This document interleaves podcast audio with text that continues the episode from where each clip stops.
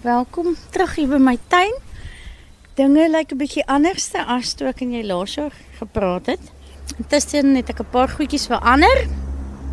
Ons het so 'n bietjie die die gras uitgeblok van die hoofpad hier voor, die muur opgesit. Laas jaar het ek um in bokse geplant wat meer geligte tuin was as ek dit so kan noem. Maar wat ek agtergekom het is ons water is baie skaars en die hitte en die uitleg van my tuin was van so 'n aard dat ek nie my plante kon beskerm en so bietjie skade gee nie. So toe het ek alles in Februarie afgebreek en toe het ek van voor af begin. Toe ek Februarie manne van die dorp gekry en toe het ek vir hulle gevra om vir my hierdie stellasie op te sit. En ons het teerpale geplant en ons het net gespan Jy sal sien, ek is kort so. Dis net 'n mini boer wat hier onder kan pas. Lang mense kan nie hier binne kom kuier nie. Ja, dit het ek my tuin verander. So nou is ek terug binne in die grond self. En daar's 'n verskil want ek het ook agtergekom met die bokse dat met tyd het ek begin water verloor. Dat mense die prentjie verstaan. Ons staan in Maro Swanepoel van Dispatch se voortuin een van Dispatch se hoofstrate loop hier voor verby. En waar hier nou eers eh, suurplante en dinge was, sien ek nou kruie, komfrie, rooi russies, tamaties, boontjies, pompoen, beet. Dis ongelooflik. Hoe het jou man Rian gevoel toe jy sê hy gaan nie meer 'n voortuin hê nie? Ehm um, dit was aanvanklik so 'n bietjie van 'n wat? Toe sê ek nee, nie wat nie. Dis nou my spasie die. So ek het dit net gevat. nee, wat en nou is hy altyd te bly om hier te kom kuier en te kom kyk wat doen ek hier en wat is nuut en hy's nogals mal oor russies. My glo hierdie russies is wat maak dat corona nog hier was hy so. en daar is byvoorbeeld daai pompoen elke jaar het ek pompoen in my tuin wat ek nie plant nie. Dit kom uit my komposhoop uit en elke jaar saai hulle hulle self. Hulle het aan daai kant uitgekom toe sonnie spasie en ek het 'n kans gevat om hulle uit te plant. En dit lyk daarom of hulle gevat het. Die pompoen en gems, laas jaar het ek verskriklik baie gems gehad en dit is alles wat net uit die komposhoop uitgekom het. So van die goed kom selfie aan. sien daar's ook tamatie. Ja, dit was 'n deel van 'n Emma se projek doen vir skool. Toe sy klaar is met die plante, toe sê ek vir dankie. Nou gaan hulle tuin toe. Daar's blou bessies. Hulle het laas jaar goed gedra. Ek probeer ook so plant vir al die rocket los ek dat dit wild gaan. Die bye, ek los hulle laat hulle aangaan want die bye is mal oor dit. Is hierdie lorierblaar? Ja, dis 'n lorierblaar, ja. En hy doen nogals goed. Hy was ook in die grond gewees. Ek moes alles maar oor begin en skuif en so en so ek was maar bang dat ek baie van my plante sou verloor, maar die meeste van hulle het daarom aangegaan. Ek probeer nou vir die eerste keer gemmer, so ek sal sien hoe dit doen. Hier is 'n klomp rape. Ek het die vreemdste rape en radyse gesien. Ek is so wit pakkie. Dit lyk soos wortels, ek ken dit nie. Ek het dit geplant en dis nou nogals interessant. Hy's nie so skerp soos 'n gewone radys en 'n raap nie, maar mooi. Toe jy nou verlede jaar eh, as 'n ernstige stadsboer begin het, Wat is die belangrikste lesse wat jy geleer het? Want ek het nou gehoor jy sê die groentebakke het nie gewerk nie. Maar enige iemand wat nou in jou voetspore wil loop, watse belangrike lesse en wenke het jy? Water.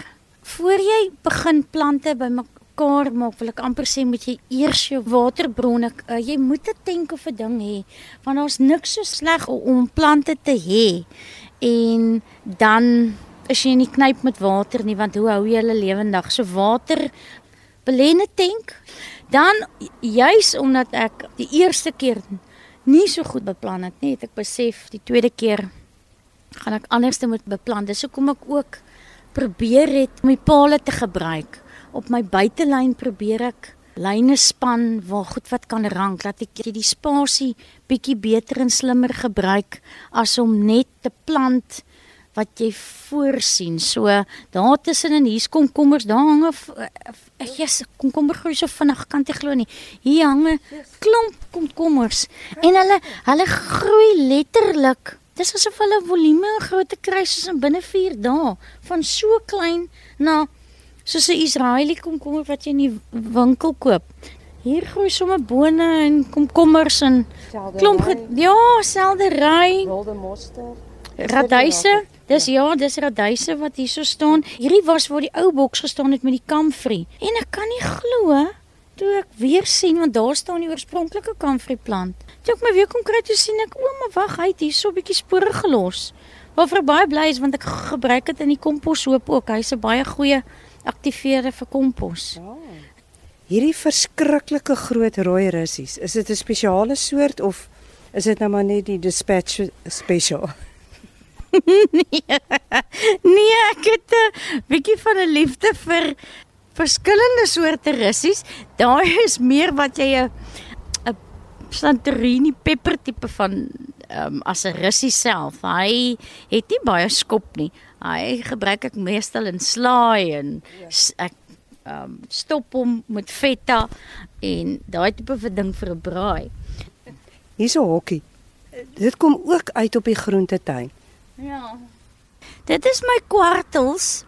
Die hok se gesig was aanvanklik na die ander kant toe en toe lol dit bietjie met die honde. So toe ek nou die tuin her uitlet toe smaai ek die hok. So daar's kwartels daar binne. Ehm um, my man is mal oor kwartel eiers. Nou as ek in die hok moet wees en een glip verby dan kom hulle ten minste in die tuin uit en nie meer in die firing line van die honde nie. Help hulle met 'n pestbestryding of het jy nie probleme met peste en plaae nie? Nee, ek kan nie dit sê nie. Jy kan sien hierdie blare. Ek moet nou spuit. So ek gebruik net baie neemprodukte as ek kan. Hier is alles self gesaai en daar sit die eerste butternuts. Het sommer dis hoekom ek nie ek kar nie veel nie. As ek daai hekkie hoef te gebruik nie. Ek het twee hekkies dan gaan ek loop ek maar net om want die plant moet nou maar net sy eie gang gang. Ek wil nie met hom mors en sy groei belemmer. En ek los die Afrikaners. Hulle saai mos maar self. Hulle is baie goed vir peste.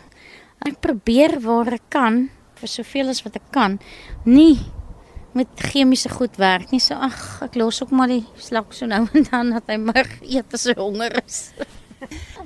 Waan ek nog baie gedink het en wat mense aan ook sommer lus gemaak het om nog dieper in die mense eie tuin te gaan werk, is dit jy gesê tuinwerk en dan groentewerk om te sien hoe jou groente groei en om dit te eet, hou ook baie terapeutiese waarde in. Dit werk vir jou gemoed. Dit is absoluut so. As jy eers hier inkom en jy sien, o, hier is 'n klomp onkruid jy kom met 'n onstuimige gemoed in en oor 'n halfuur besef jy jy nou tyd om verder oor jou probleme te, te dink nie. Nou moet jy maar nou moet jy maar skouer aan die wiel. Ja, en as jy kom kry twee ure verby, dan um, as jy uitstap dan dan voel jy sommer beter en alles lyk beter en dan ja, dan dan jy gemoed ook sommer in 'n beter en jy kry 'n bietjie son op jou lyf en die skoenlappers, ja, kom agter.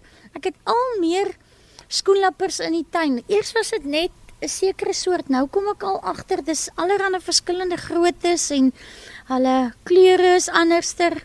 Dit is iets wat definitief teruggekom het wat nie baie hier was nie. Wat is jou belangrikste bron van kennis? Jou ensiklopedie of of is dit alles net jou eie eksperimente en ervaring? Nee, glad nie. As ek besluit om te saai, dan laat ek my maar lei deur die saad manne wat ken maar um Living Seeds op op Facebook is 'n fantastiese platform. Die kennis wat daar gedeel word in daai gemeenskap, daar's nie 'n vraag wat jy nie beantwoord kan kry nie. En is 'n Suid-Afrikaanse platform wat die lekkerste is, want baie keer is die oorseese platforms, hulle praat van plante en hulle seisoene is nie onsinne nie. Dit werk vir my maar net beter om op so 'n platform te kyk. Ja, en verder is dit maar probeer en foute maak en weer probeer.